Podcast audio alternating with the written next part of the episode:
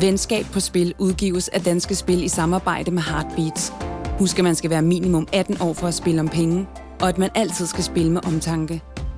Hvis du kan genkende dig selv eller nogen, du kender, i de risikotegn på spilproblemer, som podcasten kommer ind på, så opfordres du til at søge professionel hjælp. Du kan kontakte Spillemyndighedens hjælpelinje Stop Spillet på 70 22 28 25 eller udluk dig for spil via Rufus.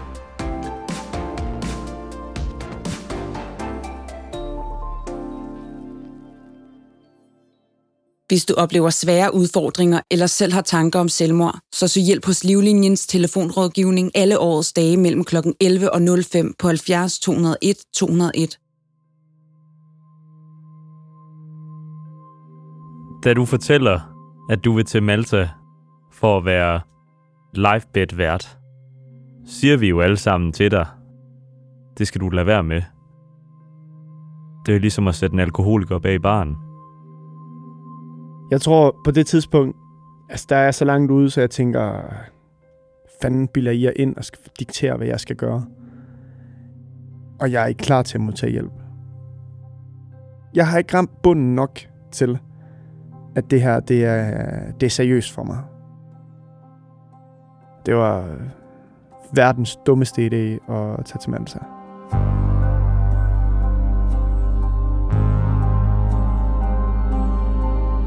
Mit navn er Johan Thor H. Hansen, og da jeg gik i gymnasiet, mødte jeg Nikolaj Olsen.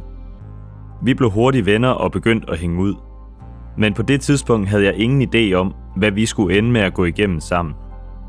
For havde jeg vidst det, så er jeg ærligt talt ikke sikker på, at vi var blevet venner. For Nikolaj er nemlig ludoman. Og selvom han i dag er spilfri, så kaster det stadig lange skygger over vores venskab – i den her podcast vil jeg derfor forsøge at få svar på nogle af de store spørgsmål, som har tynget vores relation, og prøve at forstå, hvor langt ude Nikolaj egentlig var, om jeg kunne have gjort mere for at hjælpe ham, og ikke mindst, hvordan Nikolaj kunne sætte sit eget liv og vores venskab på spil.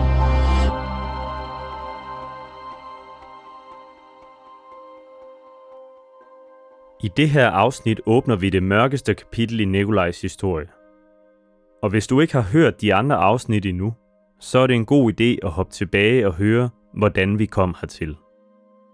For vi kommer nemlig direkte ind i en periode af Nikolajs liv, hvor jeg mest af alt spiller en birolle, og vi ses sjældnere og sjældnere. Vi mødes stadigvæk en gang imellem til en middag eller i vennegruppen, men ellers tækker Nikolaj oftest bare ind i min indbakke for at høre, om han kan låne penge. Derfor har jeg også et par sorte huller i min forståelse af, hvor langt ude Nikolaj egentlig har været. Jeg kan ikke tælle antallet af gange, hvor han har overrasket mig med en ny, vild historie. Og selv under optagelserne til den her podcast, er der dukket nye ting op. Så nu har jeg bedt ham lægge alle kortene på bordet og fortælle, hvornår han selv følte, at han ramte bunden. Der er jo ikke noget tvivl om, hvor jeg synes, at jeg rammer bunden. Men der er flere gange, hvor at jeg tror, jeg rammer bunden. Altså det første sted er jo helt klart bekendelse ved mine forældre. Og til dig. Hvor at, øh, jeg ringer til dig den 31. og fortæller dig, at øh, om fire dage, der ser du mig ikke på New Zealand. Der rammer jeg bunden første gang. Og prøver at komme ud af det. Så næste sted, hvor jeg begynder at komme i problemer, det er, hvor jeg flytter til Odense. Hvor jeg får lov til at starte, starte helt forfra. Og det går rigtig godt i starten. Men så begynder jeg at snyde folk. Og bliver nødt til at flytte fra der, hvor jeg boede før, fordi at jeg kommer til at spille deres husleje op, som går ind på min konto hver måned.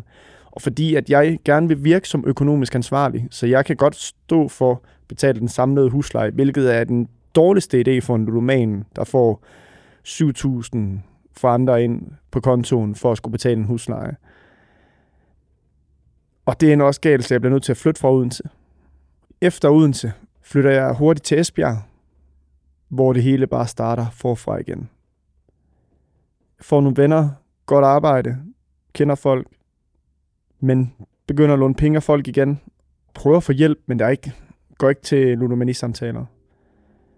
Og så ender det ud med igen, at altså, jeg kan ikke betale min husleje. Betaler ikke, vælger ikke at betale min husleje. Og måtte flytte derfra, så ender jeg så på Bornholm. Og efter Bornholm ender jeg på øh, Halston Madbar, hvor vi så arbejder i sommerferien for at tjene penge.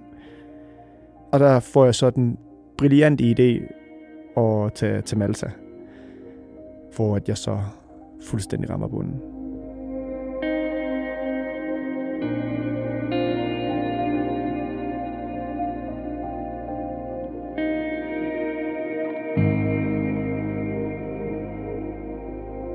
Nikolaj graver altså sin egen grav dybere og dybere. Og selvom han hver gang lykkes med at holde spillet i live ved konstant at flygte, så bliver Malta endestationen for hans ludomani. En passende kulisse for et drama om liv, død og ludomani, da Malta er kendt for sine casinoer, lempelige spillelovgivning og mange udbydere, som opererer fra østaten. Men inden vi flyver til Malta, så er vi lige nødt til at tale om elefanten i rummet. Netop spilfirmaerne. For det er ingen hemmelighed, at den her podcast er lavet i samarbejde med Danske Spil. Og når nu jeg allerede har afsløret, at Nikolajs liv rammer bunden omgivet af bettingfirmaer, hvorfor giver det så mening at lave det her projekt sammen med netop sådan et? Det spørgsmål har jeg stillet videre til Elisabeth Krone Linding, der er chef for ansvarlig spil hos Danske Spil. For selvom at en af betingelserne for at lave det her samarbejde var, at de ikke skulle have redaktionel indflydelse på indholdet, så har både Nikolaj og jeg haft vores betænkeligheder ved at hoppe i seng med djævlen. Så derfor vil jeg gerne høre mere om deres motivation for at være med her, og hvad de egentlig gør for at undgå, at folk ender i samme situation, som Nikolaj gjorde.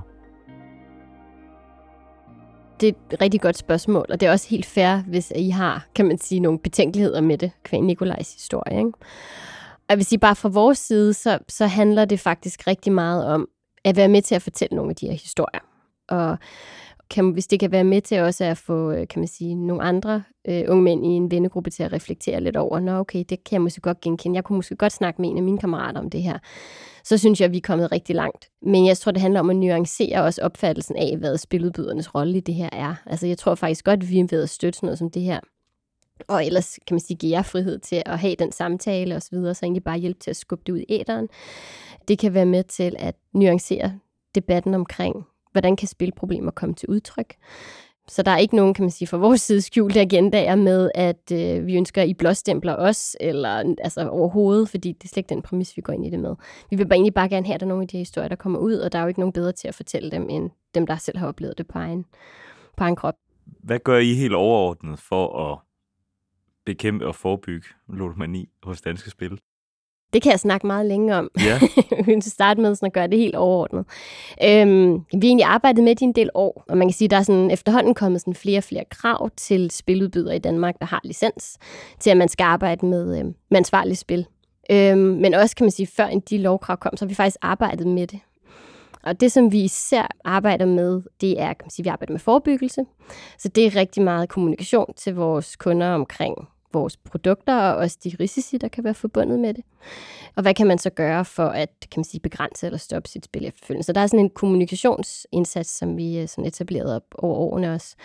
Og så kan man sige, i forhold til så at opfange tegn på problemadfærd, der har vi så nogle forskellige værktøjer, som vi også har arbejdet med en, en del år. Vores mest avancerede værktøj er noget, der hedder en spilscanner, øh, som egentlig er sådan en øh, model, der er bygget på kunstig intelligens, som egentlig gør, at vi kan overskue alle de mange kunder, vi har, øh, og så finde, kan man sige, nålen i høstakken på de kunder, som så øh, udviser den her problematiske tegn på hvad hedder det, ludomani. Og dem har vi selvfølgelig en forpligtelse til at kunne, øh, til at kunne finde, og så kunne reagere på, hvis øh, da vi ser det. Og når jeg siger, at vi har mange kunder, vi har omkring 1,9 millioner kunder i Bixen, så det er jo virkelig en bred kundeportefølje. Så vi, øh, vi forsøger ligesom at opfange det, og så reagere på det med forskellige tiltag. Og der gør vi for eksempel det, at vi ringer til kunder, hvis vi ser de her problematiske tegn. Og vi går også nogle gange ind og begrænser kundernes spil, fordi vi godt ved, at når de kommer ud et vist sted, så kan det måske være svært selv at, at træffe beslutningen.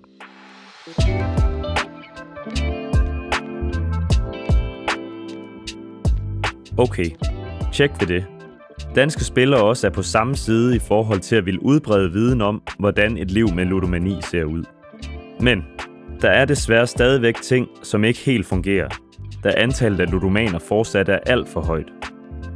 Tal fra Spillemyndighedernes prævalensundersøgelse viser, at knap 1% af den voksne befolkning er ludomaner. Og antallet af voksne danskere i farezonen for at udvikle ludomani er fordoblet de seneste fem år. Samtidig er antallet af spilreklamer i danske medier tredoblet på 10 år. Og hvad gør vi så ved den problemstilling? Det prøver jeg at blive klogere på senere. Men først lovede jeg jer en tur til Malta. Det starter med, ironisk nok, at øh, den første uge vinder jeg 100.000 kroner på et spil. Så begynder jeg at gå i byen.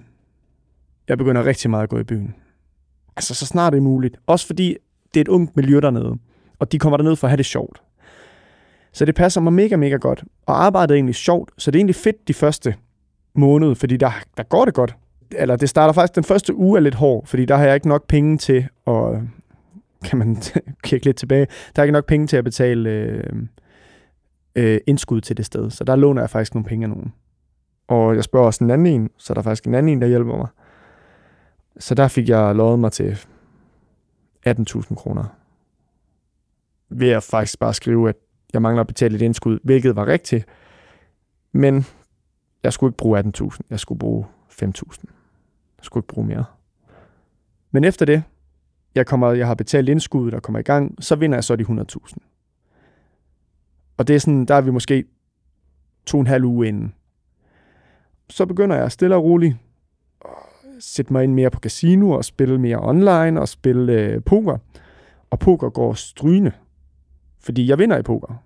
Altså, jeg har overskud i poker, når jeg spiller det. Jeg møder nogle forholdsvis kendte streamers, som jeg hænger ud med, spiller poker imod. Så tager jeg måske 7.000 en dag. Det er fint nok. Jeg har stadigvæk 70.000. Altså, jeg kan gøre, hvad jeg vil. Jeg har pengene til det. Så rammer Men det vi... har du jo så ikke. Nej, det har jeg ikke. Jeg er altså fuldstændig ligeglad med det, der sker i Danmark. Og på Malta spiller jeg ikke for at spille, fordi det er sjovt. Der spiller jeg, fordi det er det eneste, jeg ved. Det er det eneste, jeg ved, hvordan man gør, og jeg føler mig selvsikker, og jeg føler mig helt heroppe. Den følelse kunne jeg få hver dag på Malta ved at sætte mig ned og spille. Der var ikke nogen, der sagde nej. Der var ikke nogen, der kendte til det dårlige ved mig. Og jeg løj mig igennem Malta. Så jeg fortalte dernede, at ja, jeg har arbejdet som vikar, og at øh, alle mine penge i Danmark kan jeg ikke få, fordi at dem har investeret, og de er låst fast i sådan en fond. Så nu er jeg bare taget herned for at hygge mig. Og jeg fortalte også, at jeg vandt de der 100.000 til folk dernede. Altså, det var så fedt. Der var ikke noget, der kunne gå galt. Lige indtil de sidste øh, måned, hvor jeg ikke vandt. Hvor jeg blev mere indlukket, og mit humør faldt til jorden. Det blev så græld, at jeg var sikker på, at jeg kom hjem fra Malta. Og i den forstand, så mener jeg ikke, at jeg ikke kunne købe en billet hjem, men at jeg ikke ville overleve, hvis jeg ikke kom hjem. Og det var ligesom der, jeg valgte at ringe til folk for at låne penge og sige, nu skal jeg hjem. Og selvom jeg gjorde det, så var det ikke mit sidste kald. Fordi jeg lånte, jo, jeg lånte desværre penge af flere folk. Og de fleste af de penge blev spillet for. Heldigvis valgte jeg at købe en billet til at komme hjem. Og ikke forsøge mere. Og det er så det, der gør, at vi sidder her i dag. Fordi var jeg ikke kommet hjem fra Malta den dag, så havde jeg ikke levet mere.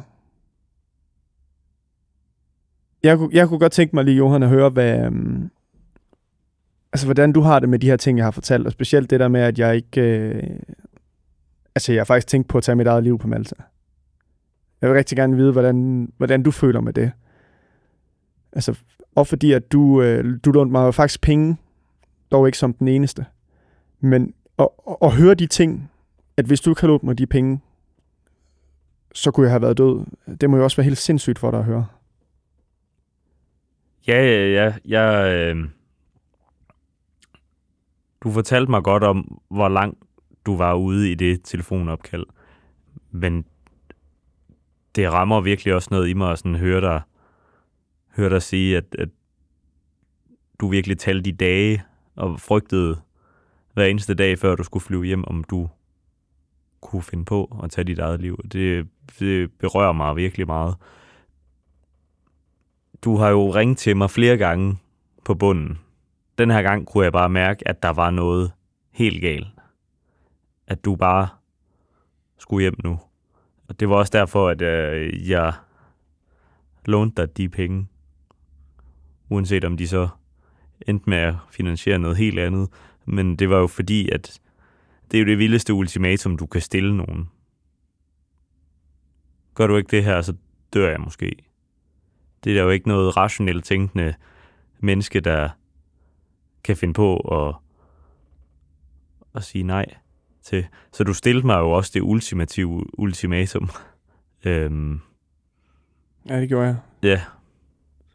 Men, men jeg, jeg, som sagt, så kunne jeg høre, jeg kunne høre i dig, at du var nået til en eller anden erkendelse. Du var nået til en erkendelse af, at det kan ikke gå, det her. En erkendelse, som, selvom vi har, vi har snakket så ofte, du ved, om, at nu bliver du nødt til at søge noget hjælp, og det, det kan ikke blive ved med at gå, det her, og du bliver nødt til at få styr på dit liv. Øh, så, så var det som om, at den her gang hørte jeg dig selv sige det, i stedet for, at det var noget, vi andre sagde til dig, og så sagde du sådan, ja, ja, det, det skal jo nok gå, og sådan noget. Det var, det var helt anderledes i den her, den her håndsudrækning, du bedte om. Altså, det kan jo ikke blive vildere. Nej, altså helt urimelige ven, der ringer helt fabrilsk til en anden en og forlanger noget, som man måske egentlig godt ved, at jeg ved fandme ikke, hvad det her går til. Jeg ved ikke, om jeg bare lige har hævet 2.000 kroner smidt ud af vinduet, faktisk. Jeg kan i hvert fald sige, det er blevet utrolig galt på dig, hvis, hvis du var blevet dernede. Så tror jeg, det havde været dråben. Ja. Det tror jeg faktisk, det havde, når jeg tænker mig om. Fordi det var både det opkald og også det opkald, du kom med på Bornholm. Altså, det var, det var bare ekstremt. Det var noget, vi snakkede om virkelig meget, min kæreste og jeg, og med, med familien og med venner, og det var noget, der fyldte rigtig meget i mit hoved. Sådan, hvad, hvordan har Nikolaj det, og hvad, hvad, hvor langt vil han gå ud med det her? Hvor langt vil han tage, lade ludomanien tage, tage ham?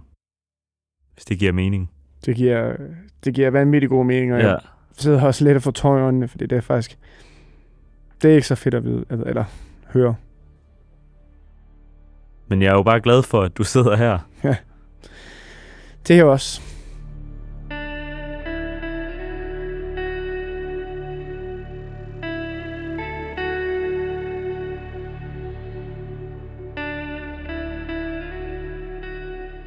Det er tydeligt at se på Nikolaj, at han bliver berørt, når han gennemlever de her ting igen. Og det rammer selvfølgelig også mig hårdt. For selvom jeg til tider har bandet og svoglet over, at han har udnyttet vores venskab, så ved jeg også godt, at intet menneske frivilligt vælger at have det så dårligt. Hvilket også bare er et tydeligt billede på, hvor store kræfter der er på spil, når man er ramt af ludomani. Men det burde bare aldrig være nået hertil – og derfor kunne jeg godt tænke mig at høre Elisabeth Krone Linding om, hvordan danske spil drømmer om, at spilbranchen skal se ud, og hvem der har ansvaret for, at det lykkes. Det kedelige svar er, at det er et fælles ansvar. Øhm, jeg tror, at spiludbyden kan gøre rigtig meget. Altså, jeg tror, hvis man øhm, satte nogle mere specifikke krav til forebyggelse i forhold til den rejse, kunderne er på, når de kommer ind til spiludbyderne og måske begynder gradvist at spille mere og mere. Der skal være nogle forskellige tiltag, der rammer kunderne, sådan så man også, mens at kunderne stadig er et sted, hvor at de selvfølgelig kan træffe rationelle beslutninger omkring deres spil og sådan noget, at de så får nogle ting, der kan gøre, at de kan reflektere nogle opmærksomhedspunkter. Øh, det kunne jeg godt tænke mig i hvert fald, at der kom. Det er også noget, vi arbejder med. Vi er for eksempel i gang med at teste, jamen, hvordan kan vi give kunderne det bedste overblik over deres spil, være mere transparente omkring, jamen du har måske en begyndende risikoadfærd, og hvordan kan vi så nudge dem til at stoppe op og bruge nogle af de værktøjer, der er til at begrænse deres spil. Øhm, og så tror jeg, at det her med at have mere fokus på forebyggelse helt generelt, der bliver brugt nogle flere midler på det, det har der ikke været brugt ret meget. Sådan så vi netop kommer ud på skolerne og får fortalt om, at det er de her ting, man skal være opmærksom på. Og så den sidste ting egentlig, det er også det her med, at, at der kommer noget mere forskning på området, øh, sådan så vi kan handle også som spiludbyder evidensbaseret, og at man så også kan bruge den viden måske så til at sætte nogle mere specifikke krav til spiludbyderne, end der er i dag. Det er jeg sikker på, at I også, altså du er også enig i det med, det, at ludomani er en kompleks størrelse, og folks vej ind i spilafhængighed eller problemspil er ikke, altså den, den er ikke sådan, det er ikke en vej, der er mange. Øhm, og hvad der kan være problematisk for en spiller, er ikke det samme som det, der kan være problematisk for en anden. Så der er en hel masse forskellige typer adfærdsmønstre, vi på en eller anden måde skal, og skal kunne fagne som spiludbyder at tale ind i forebyggende, og øhm, der er stadig en masse, vi ikke ved. Vi har øh, bare på venneplanen, Nicolaj og jeg, har talt meget om sådan spilbranchens øh, marketingsstrategier og marketingsbudgetter, og da vi sad og, og ligesom lagde grundstenen til den her podcast ned på Nørreport, øh, og vi sad og kiggede ud fra mødelokalet der, der var den største bannerreklame, en tre etager høj øh, bannerreklame for Eurolotto fra jer. Hvad er argumentet for at markedsføre spil? Der er jo det her med, at man har et produkt, og man vil gerne gøre opmærksom på, at det findes. Og så kan man sige, så er der nogle særlige præmisser for spilmarkedet, fordi at øh, det, vi sælger, er ikke øh, bare øh, sko eller kaffe eller et eller andet, men faktisk et produkt, hvor der er nogle kunder, der kan opleve nogle udfordringer med det. Og det er jo også derfor, der bliver lagt nogle ekstra restriktioner ned over det. Og også, at der er spiludbydere, der også selv har valgt at gøre det, for eksempel os, og også branchen, sådan overordnet set, der er et adfærdskodex, der blev introduceret for nogle år siden, hvor der så er nogle restriktioner, som spiludbyderne egentlig pålægger sig selv, som er, som er lidt mere restriktive end lovgivningen. Men der går selvfølgelig rigtig meget diskussion omkring, om de spilreklamer så ikke trods alt fylder for meget. Og der har vi egentlig også valgt også at sige, men altså, det, det er vi faktisk egentlig enige i. Vi synes også, der er lidt for mange spilreklamer i forhold til, hvad godt er. Jeg går meget ind for det her med, at vi prøver at kigge lidt mere på, hvordan kan vi så fjerne den målrettede markedsføring for nogle af de folk, der så måske spiller meget, eller er i en eller anden form for risiko. Det tror jeg er den største udfordring i virkeligheden. Øhm, så er der den her mere sådan normaliseringsdiskussion, som man også har, som handler om, at det der med at spilreklamer er overalt, kan betyde, at det er nærmest mere normalt at spille på en fodboldkamp end at lade være. og at det er noget, der også er tilgængeligt for, for alle mennesker, og ikke kun dem, der måske øh, spiller i forvejen, men også for børn og unge og alle mulige andre, der egentlig ikke, kan man sige, skulle blive præget til at have den adfærd. Og det synes jeg også er helt rigtigt. Altså, der er et eller andet med det der med for eksempel, at fjerne spilreklamerne på tv omkring de fodboldkampe, hvor man sidder med sine børn og ser fodbold. Det er måske en meget fornuftig ting. Og jeg tror også på, at for at man for alvor kan komme igennem med, at det virker, det der med at fjerne spilreklamer, så skal man nok balancere det med en forebyggelsesindsats, der også forklarer folk, hvad er det, man skal være opmærksom på, hvordan kan man få hjælp osv. osv. Øh, hvordan skal man tale med sine børn om det her, for eksempel. Ikke? Det synes jeg egentlig er rigtigt nok, at der har måske manglet noget der i forhold til at spiludbyderne har reklameret relativt meget over de seneste år. Men der har måske ikke været den der indsats samtidig, der handler om, jamen, der kan også være nogle skyggesider ved det her. Øhm, og der kan man jo altid diskutere, er det så spiludbyderne, der skal komme med, kan man sige, forebyggelseskampagner osv. Det synes jeg til dels det er. Jeg tror også, vi har noget, øh, hvad hedder det, en rolle at spille der. Men jeg synes også, at der er myndigheder og interesseorganisationer og alle mulige andre, der også øh, skal på banen der og forklare de her ting. Også fordi vi også godt kan se, når vi gør det, at der altid lidt den der snært af, at det er ulven, der vogter får, ikke? altså, at, ja. det, at det der med så at sige, om du kan spille her, og så med den anden hånd sige, du skal forresten også passe på. Og dermed ikke sagt, at vi ikke skal prøve, og det gør vi også. Men der er helt klart det der med at få, at få forklaret de der ting, også uafhængigt af spiludbyderne, tror jeg også er rigtig vigtigt. Hvad, hvad vokser hurtigst hos jer? Jeres marketingsbudget eller øh, jeres øh, budget til sådan forebyggelse og prævention af ludomani? Det er det sidste. Det er ikke vores marketingbudgetter. Det er det ikke. Og jeg vil sige, i forhold til det her med at forebygge ludomani og sådan noget, der har vi faktisk mere og mere fokus på det, også strategisk, på en måde, hvor øh, er det ikke kun noget, der foregår hos mig øh, i min afdeling, men det er også noget, der ligger hos vores øh, produktteams øh, og de teams, der arbejder med vores øh, digital salg via salgskanalerne og sådan noget. Så det, det er noget, som vi integrerer meget mere. Og det er faktisk også en måde, som øh, vi bliver aflønnet på i Danske Spil. Hvis at øh, jeg eller mine kolleger, alle faktisk i Danske Spil, får bonus i slutningen af året, så er det fordi, at vi har opnået ikke kun nogle mål for, øh, kan man sige, for salg og sådan noget, som er de der sådan, gængse målsætninger, som mange øh, medarbejdere får bonus på, så er det faktisk 50% af vores bonus, den går faktisk på ansvarlighedsmål. Så det er i hvert fald en måde at prøve at sikre sig også, at, at det kommer ind alle steder på.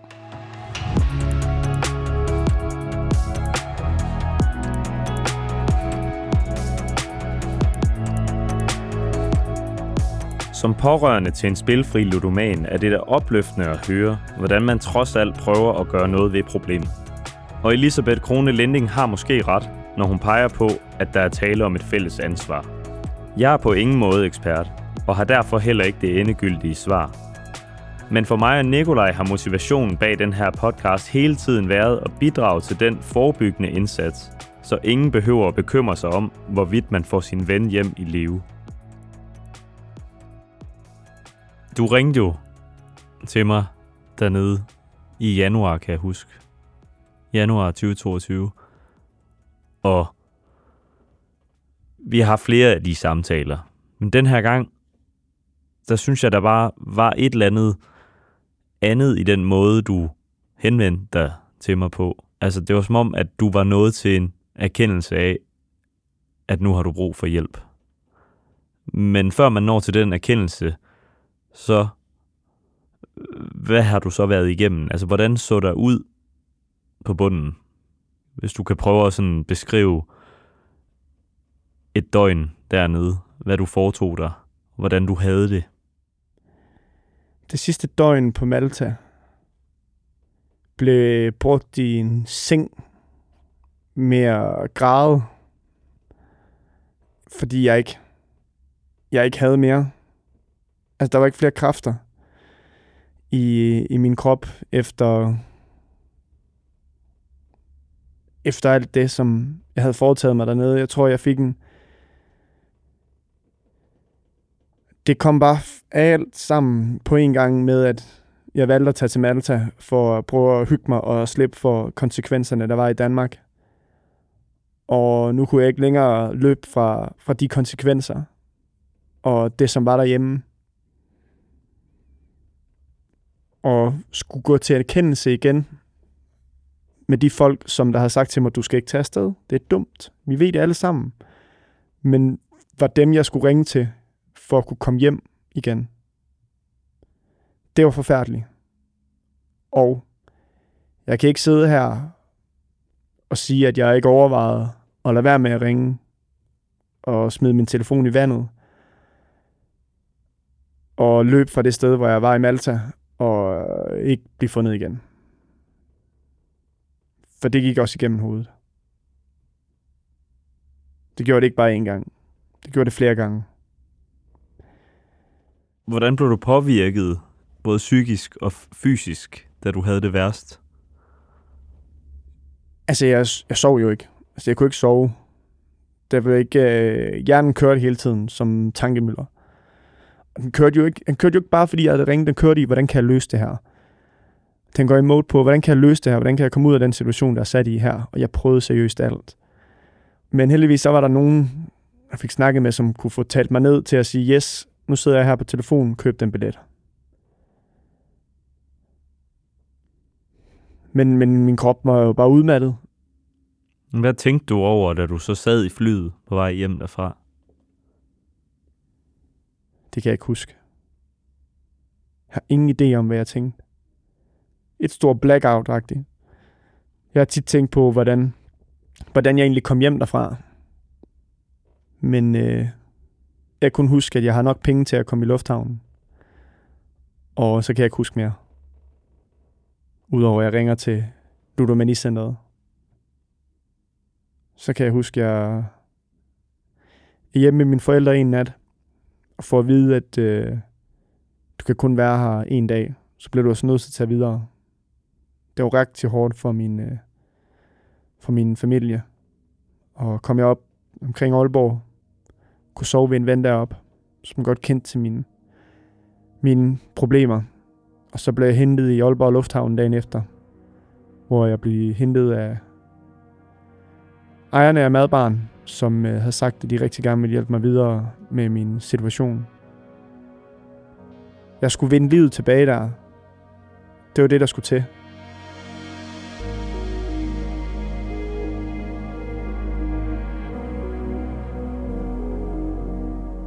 Nikolajs kamp for at vinde livet tilbage starter i næste og sidste afsnit af Venskab på Spil. Hvor vi tager til Hanstholm og hører, hvordan Nikolaj kom ud af spillet, hvor han er i dag, og hvad konsekvenserne har været for hans fremtid. Jeg får at vide hele tiden af min mor og far, Nicolai, de tænker altså alle sammen på dig. De spørger om, hvordan det går med dig. Så det er jo ikke... Jeg er jo slet ikke alene i det her. Det gør mig helt ked af det at tænke på, faktisk. Fordi det er fandme så stort. Når man nogle gange godt kan føle sig alene. Hvis du oplever svære udfordringer eller selv har tanker om selvmord, så søg hjælp hos Livslinjens telefonrådgivning på 70 201 201 alle årets dage mellem 11 og 05.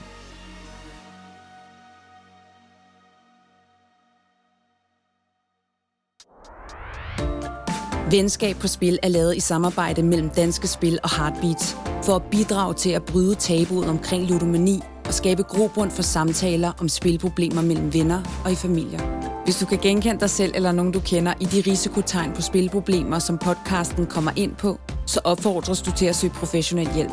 Du kan finde ludomanitest og anden information online, som kan hjælpe dig til at blive klogere på, hvilke faresignaler, som du skal være opmærksom på.